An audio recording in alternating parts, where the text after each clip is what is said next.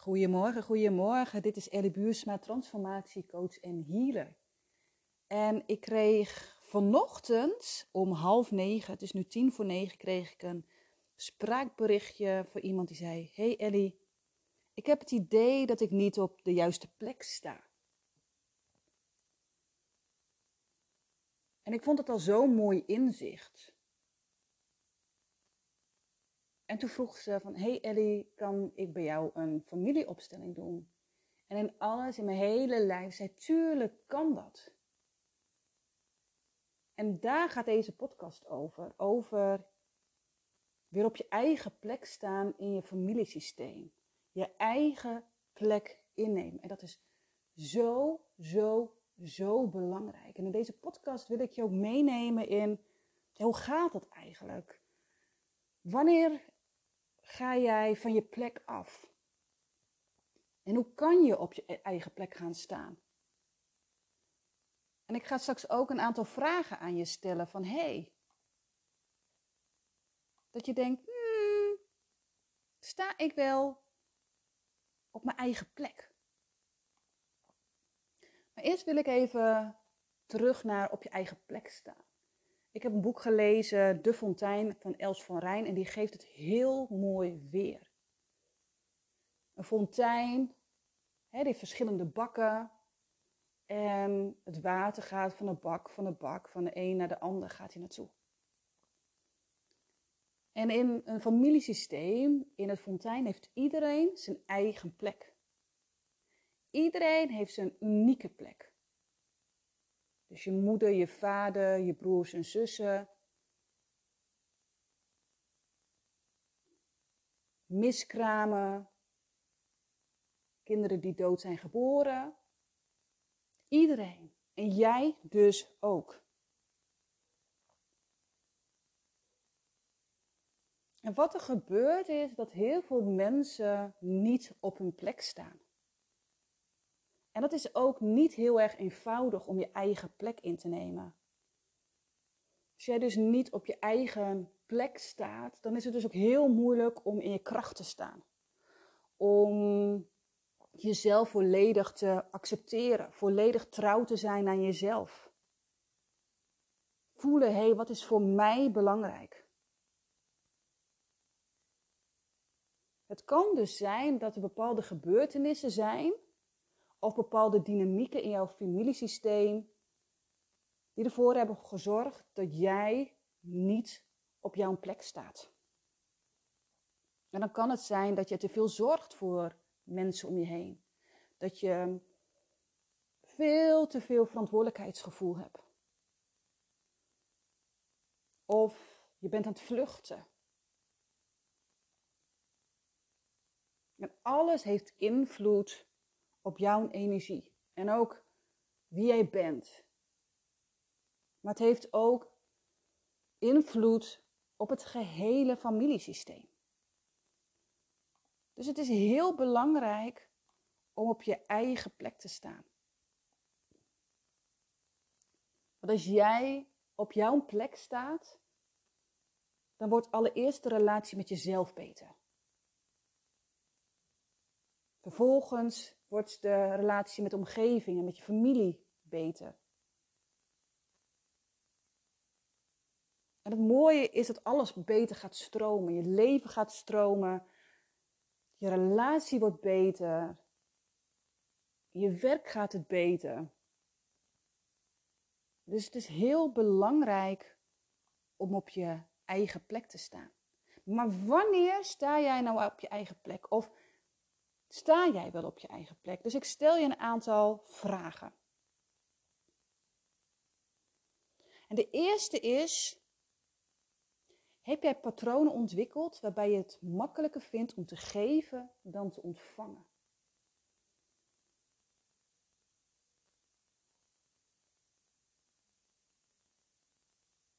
De tweede is: word je groter, de slachtoffer of dader, Wanneer je het hebt over je ouders en voorouders.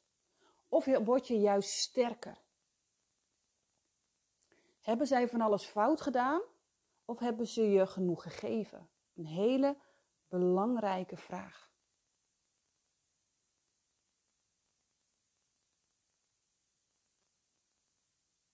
De derde is, laat je het jezelf liever slecht gaan dan een ander. En voel je je leeg Voel je je depressief? Heb je angsten? Zit je in een burn-out?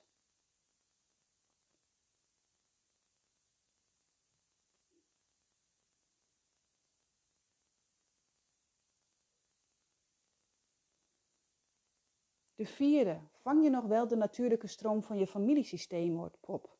Word je gedragen of juist tegengewerkt?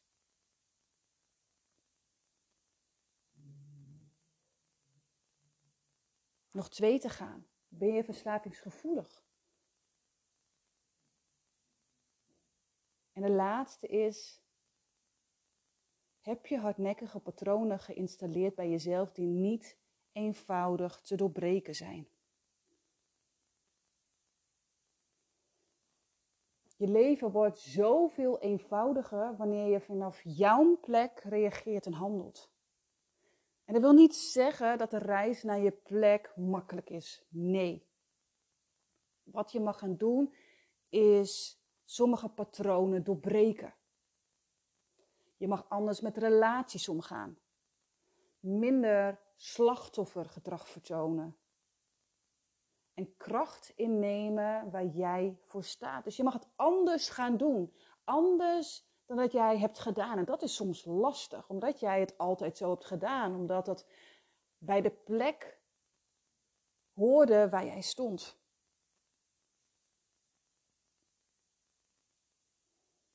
Ik geef je een voorbeeld. Een voorbeeld waarin je kan, waarin ik je kan laten zien dat, je, dat iemand niet op zijn plek staat.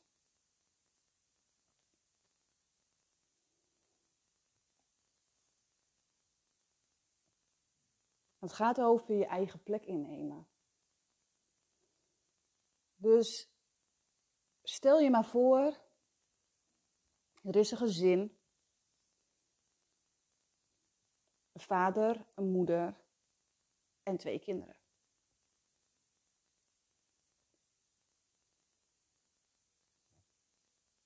Maar de moeder overlijdt. Dus het gezin blijft achter met een vader en twee kinderen, een zoon en een dochter.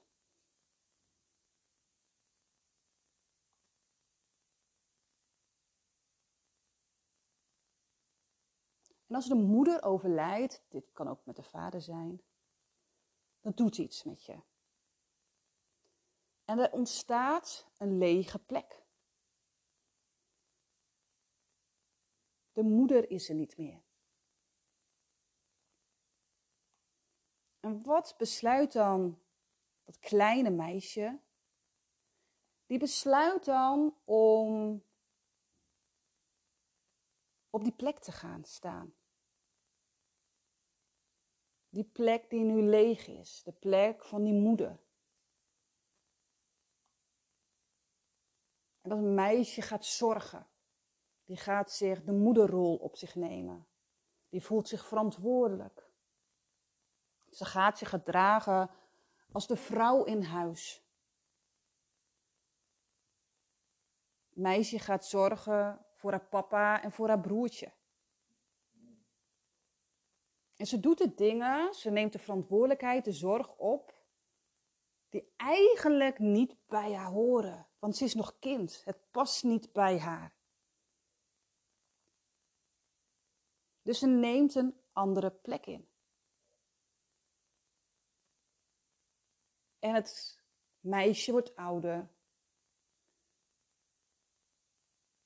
En ze denkt, hmm, weet je, het gaat eigenlijk wel goed. Ze werkt hard, ze heeft een eigen bedrijf. Het heeft haar heel ver gebracht, maar op een gegeven moment blokkeert ze. Het kost allemaal veel te veel energie. Ze vindt het moeilijk om nog te spelen, om te genieten. Om te ontspannen. Want ze zorgt voor iedereen. Als volwassene zorgt ze voor haar gezin. Ze zorgt voor haar werknemers. Ze voelt zich enorm verantwoordelijk voor iedereen. Zij heeft het kind zijn, heeft ze overgeslagen. Omdat zij op de plek ging staan van haar moeder.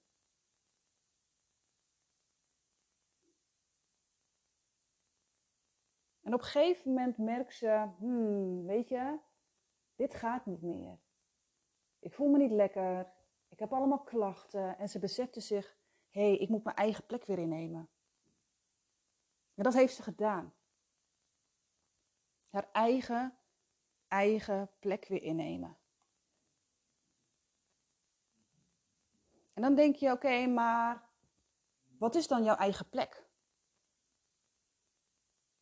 En misschien heb je wel eens een keer een organogram gemaakt, een genogram. Het is een soort stamboom.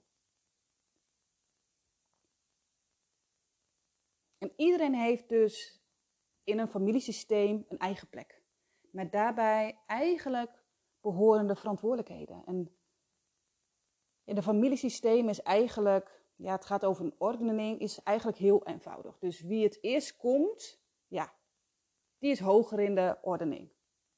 Dus dat betekent dat grootouders, dus je opa en oma, die gaan voor je ouders. Dan gaan de ouders gaan voor jou als kind. En dan weer de kinderen voor de kleinkinderen. Zo gaat het van boven naar beneden.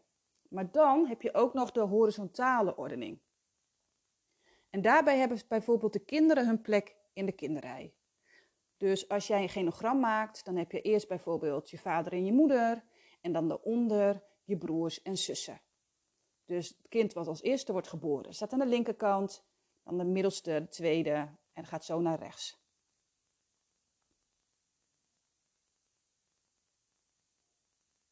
En tijd is dus hier heel erg belangrijk in de, in de familieordening. De oudste heeft hierbij dus hele andere rechten, dus hele andere verantwoordelijkheden en plichten dan bijvoorbeeld de jongste. En daarom kan het dus ook zo zijn, en dat hoor ik heel vaak, en ik heb het ook zelf ervaren, dat kinderen in een gezin ook heel anders zijn. Want de oudste, die heeft hele andere verantwoordelijkheden dan de, dan de jongste. Bij de ouders, bij de oudste is een, een, een, een ouder bijvoorbeeld nog wat angstig. Die weet allemaal nog niet zo goed hoe ze moeten opvoeden. Weet je, moet het allemaal nog leren. Bij de middelste wordt misschien al wat beter. Nou, bij de middelste hoor je vaak dat het hamburgerkinderen zijn. Die zitten er tussenin, tussen de oudste en de jongste. En ze noemen dat vaak de vergeten kinderen. En dan de jongste, ja, dat die, ja, daar mag veel meer. ouders die zijn wat soepeler en die hebben natuurlijk heel veel geleerd van de andere twee. Dus ja, als kind ervaar je dus de opvoeding vaak ook heel anders.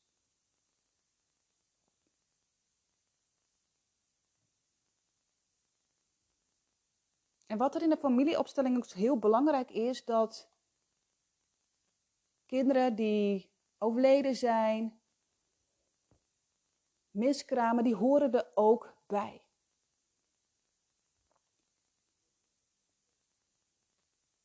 Als kind, en dit is een hele belangrijke, als kind kan je op een andere plek gaan staan.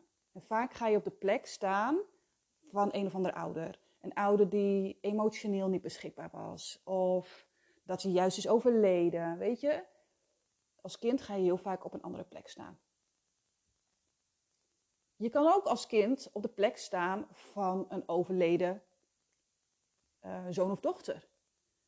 Um, en dat gebeurt eigenlijk ook heel vaak.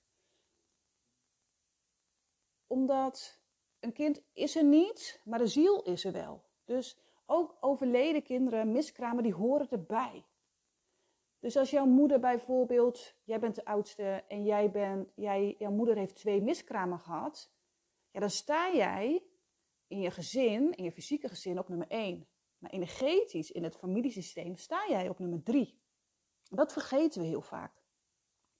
En wat ik net wel wil zijn, want ik ging net even een zijbruggetje, een zijweggetje, is dat ouders ook naar beneden kunnen. Dus die kunnen ook afdalen naar een lagere positie. En dat zie je heel vaak bijvoorbeeld dat een moeder en een dochter bijvoorbeeld de beste vriendinnen zijn.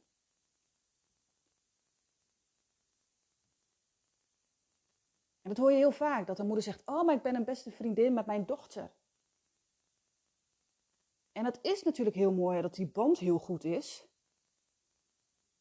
Echt heel mooi. Maar wat er gebeurt is dat de moeder niet boven het kind staat. Nee, de moeder gaat naast het kind staan, naast de dochter. En staat dus niet meer op de oude plek.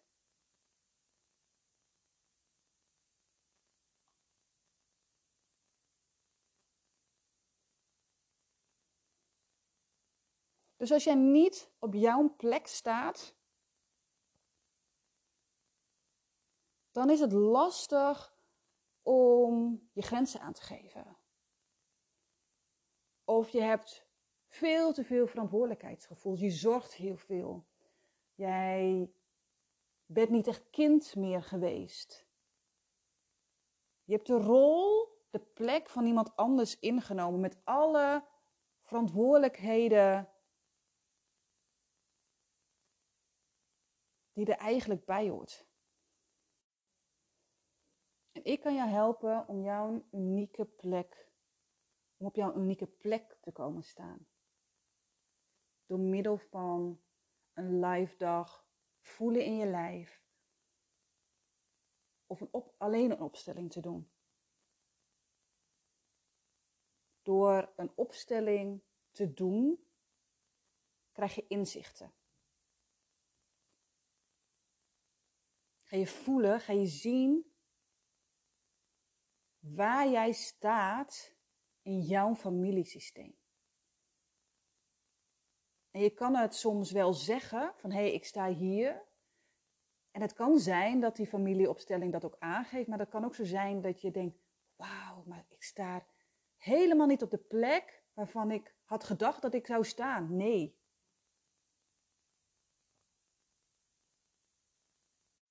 Het is zo belangrijk om op je eigen plek te staan. En ik wil je nog eventjes wat meegeven. Want van je moeder krijg je met name het vermogen om je te verbinden. En van je vader krijg je de kracht om je te begrenzen.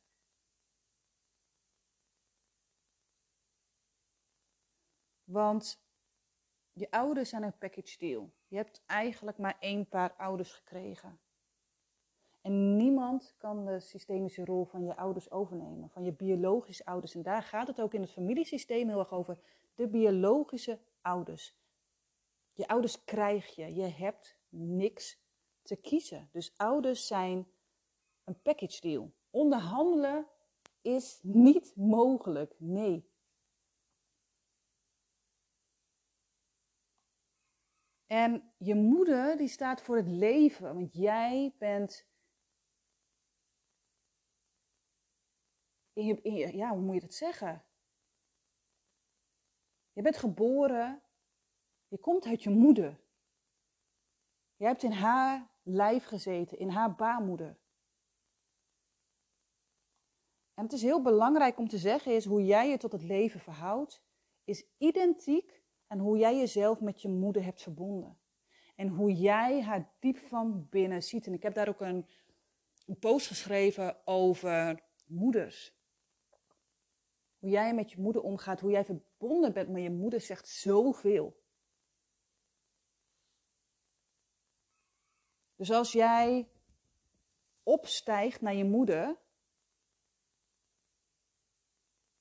dus jij staat zeg maar in de bak van je moeder, ja, dan voel je zoveel onrust.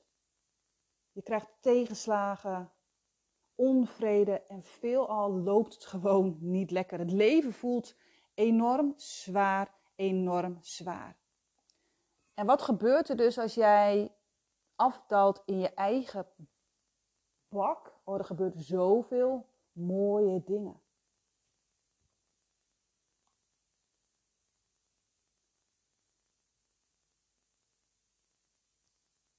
En de vader de vader, je ontvangt van je vader het vermogen om je te begrenzen en de wereld aan te nemen.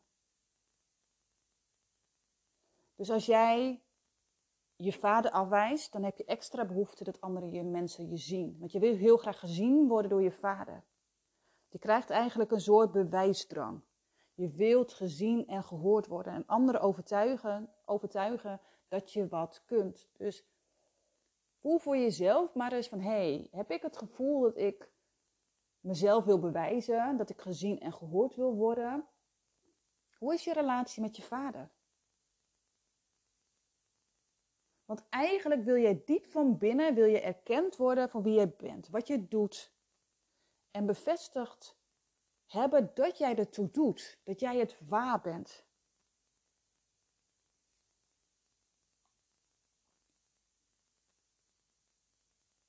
Het gaat dus hier ook heel, heel erg over op je eigen plek staan. Heel erg over op je eigen plek staan.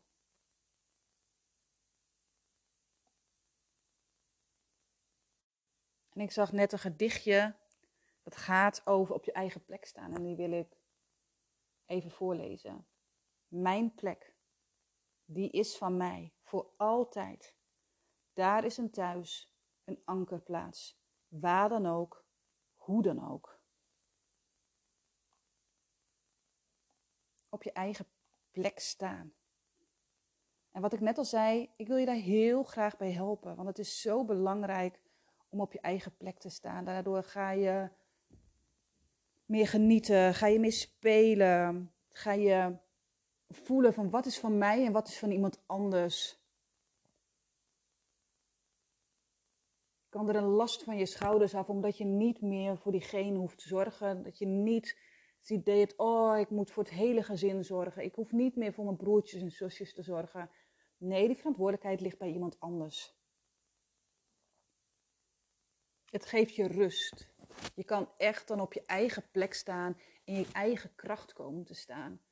Dat je voelt, hé, hey, ik ben het schrijven van mijn eigen boek. Ik ben de kapitein op mijn eigen schip. Dit zijn mijn grenzen. Dit is wat ik wil. Hier word ik blij van. En ik gun het jou. Ik, en ik heb zelf die reis ook gemaakt. En mijn leven is zo veel leuker en beter geworden nu ik op mijn eigen plek sta. Ik zwierf door het hele familiesysteem heen. Ik wilde voor iedereen zorgen. En daardoor, omdat je voor iedereen wil zorgen, maak je jezelf klein, weet je niet meer wie je zelf bent. Heb je heel veel bewijsdrang, voel je enorm veel verantwoordelijkheidsgevoel, voel je die last op je schouders, heb je heel veel fysieke klachten. Altijd moe, ik had zo weinig energie, want ja, poeh, het is hard werken om op elke plek in het familiesysteem te staan, bijna. En voor mij heeft een familieopstelling heel veel inzichten gegeven om te voelen, vooral, hey, dit is van mij, dit is van iemand anders. En door weer op mijn eigen plek te staan, wat ik zei, stroomt het. Stroomt het in mijn leven, stroomt het in mijn relatie, stroomt het in mijn bedrijf, in vriendschappen. Vriendschappen zijn uh, veranderd. Sommige vriendschappen heb ik niet meer, maar er zijn zulke mooie vriendschappen weer ja, ontstaan. En daar ben ik enorm dankbaar voor. Dus, ik help je graag.